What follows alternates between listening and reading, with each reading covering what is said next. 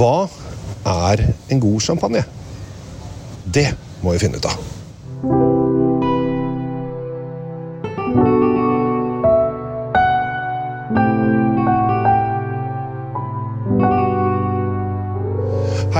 velkommen til eh, Kjells eh, vinkjeller. I dag så sitter jeg utendørs eh, i Oslo i en bakgård og har smakt meg gjennom en syv, åtte, ni champagner fra Besserat de Belfort.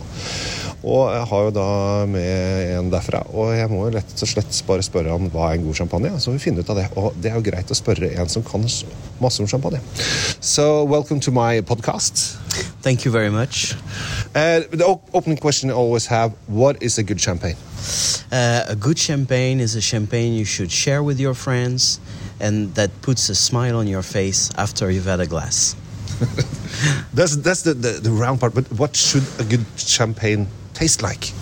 Uh, to me, a good champagne is uh, the perfect balance between the, uh, the acidity, the freshness, and uh, long lasting flavors. It's definitely what makes champagne uh, standing out from others, and it's uh, also a champagne where you will enjoy having uh, more than just one glass. Uh, you should never forget champagne is uh, uh, was invented as a, as a party drink 300 years ago.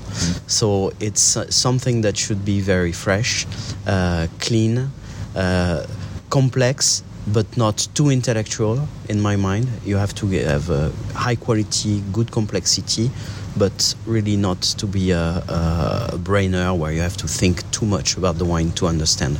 It uh, needs to be easy. And you have made champagne in 180 years now. Uh, what's your experience?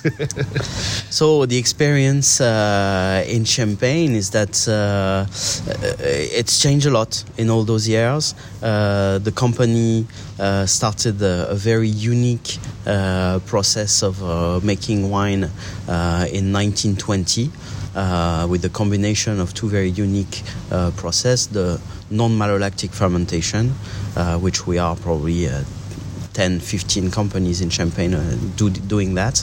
Uh, and the second one being the uh, demi-mousse in French, uh, or the low pressure style, uh, which was originally called in our house the crémant des moines, and which is which has defined ever since uh, the way we make champagne.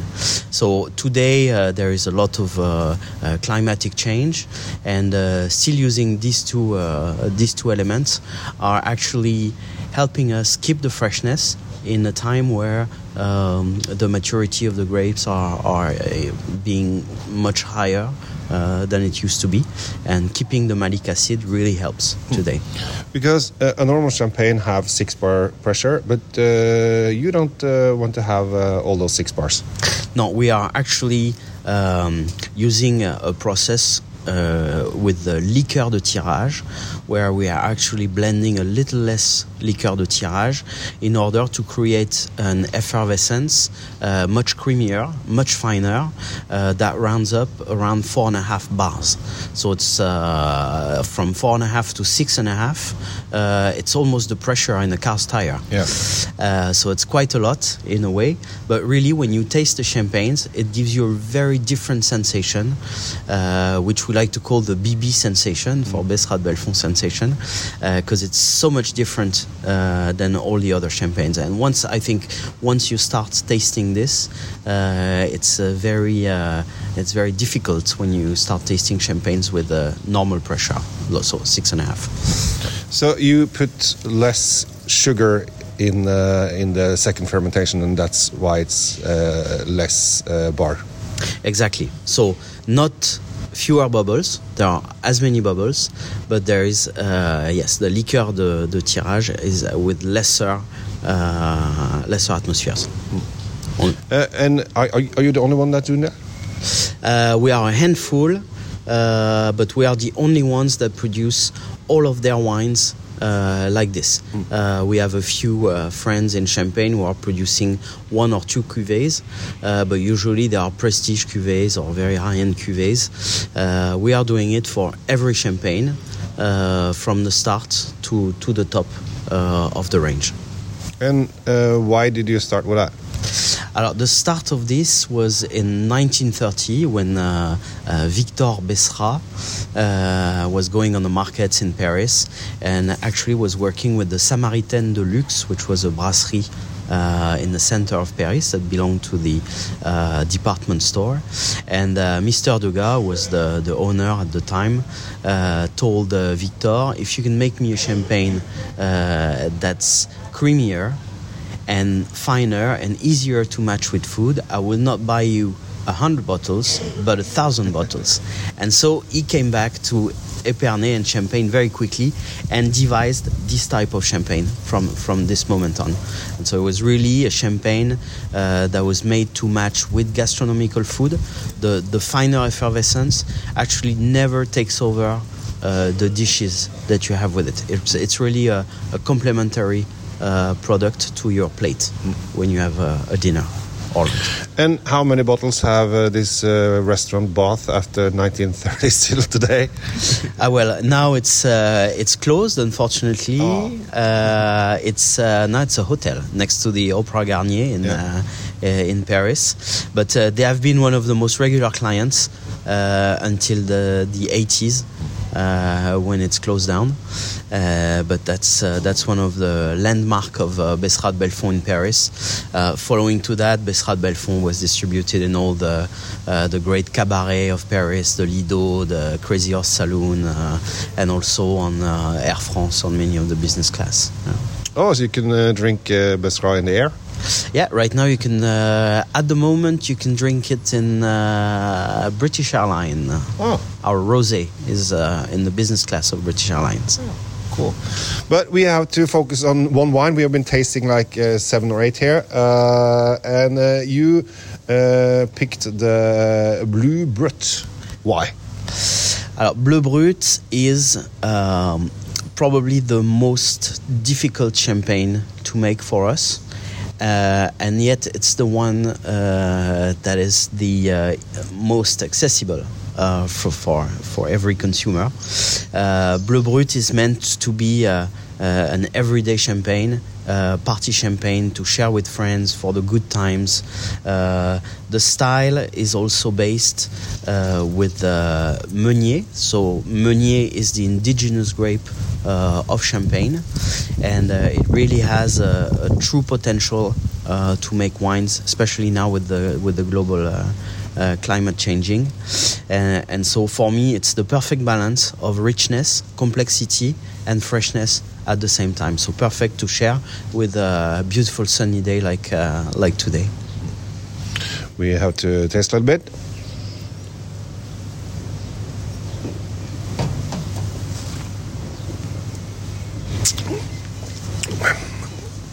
It has that creaminess.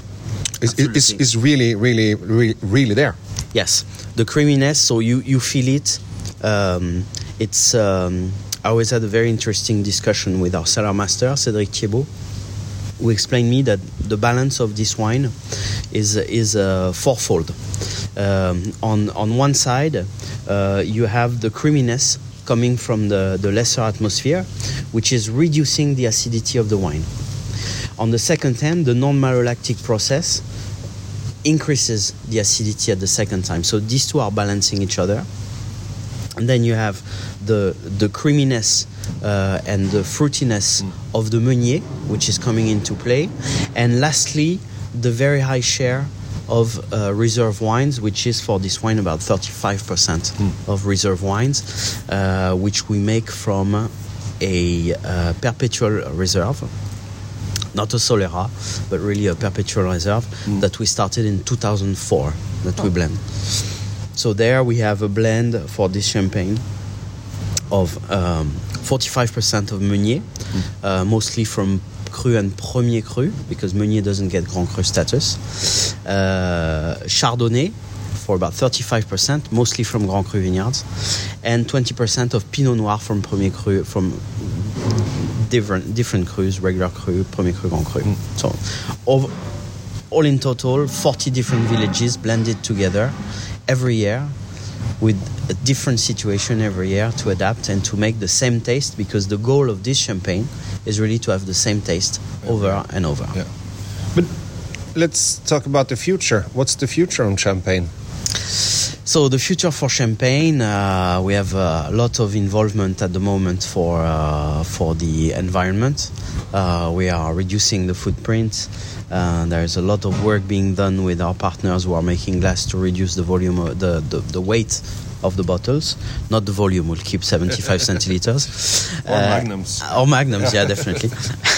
but uh, so we're working in that direction. There is a lot of work being done at the moment, also in the vineyards, uh, to reduce the the, the carbonic uh, uh imprint, to reduce the um, the pesticides. Uh, we are actually started to to to make uh, an organic champagne some years ago, and we're still learning on that. but you know, I'm.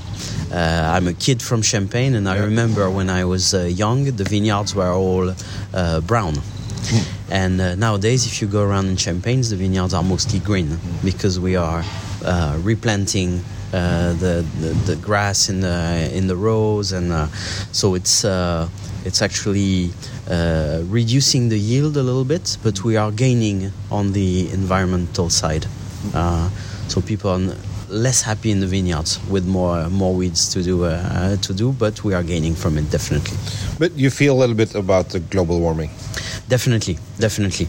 Uh, we see now, even from the our vineyards, uh, that the ones that are facing north uh, start to develop uh, extremely well uh, where in the past all the Premier Cru and the Grand Cru, uh, which were started in uh, 1927 in Champagne, mm. these were actually um, uh, these are changing now, and you get more maturity, and so we are uh, slowly switching to a lot of northern faced vineyards. Mm uh, for for quality. This year is a very good example actually for the the blend of 2022. Uh, we use quite a lot of vineyards on the left bank of the Marne. Uh, so that's uh, yeah, that's the. So thank you so much for uh, let me taste all these good wines. always a pleasure. We like to share. Dette er helt fantastisk. Eh, vi har da smakt eh, den rimeligste av de, som er da Bluebrut. Koster da 485 eh, kongelige kroner. Og så raser det oppover, og den aller dyreste koster 2500. Så her kan du gå på polet i spesialavdelingen, holdt jeg på å si, i tilleggsutvalget, og bare hamstre inn. Så blir dette her kjempebra. Så da vet du hva en god champagne er, for det har du lært nå. Jeg heter Kjell Gabriel Henriks. Tusen takk for meg. Ha en riktig fin dag videre. Ha det bra!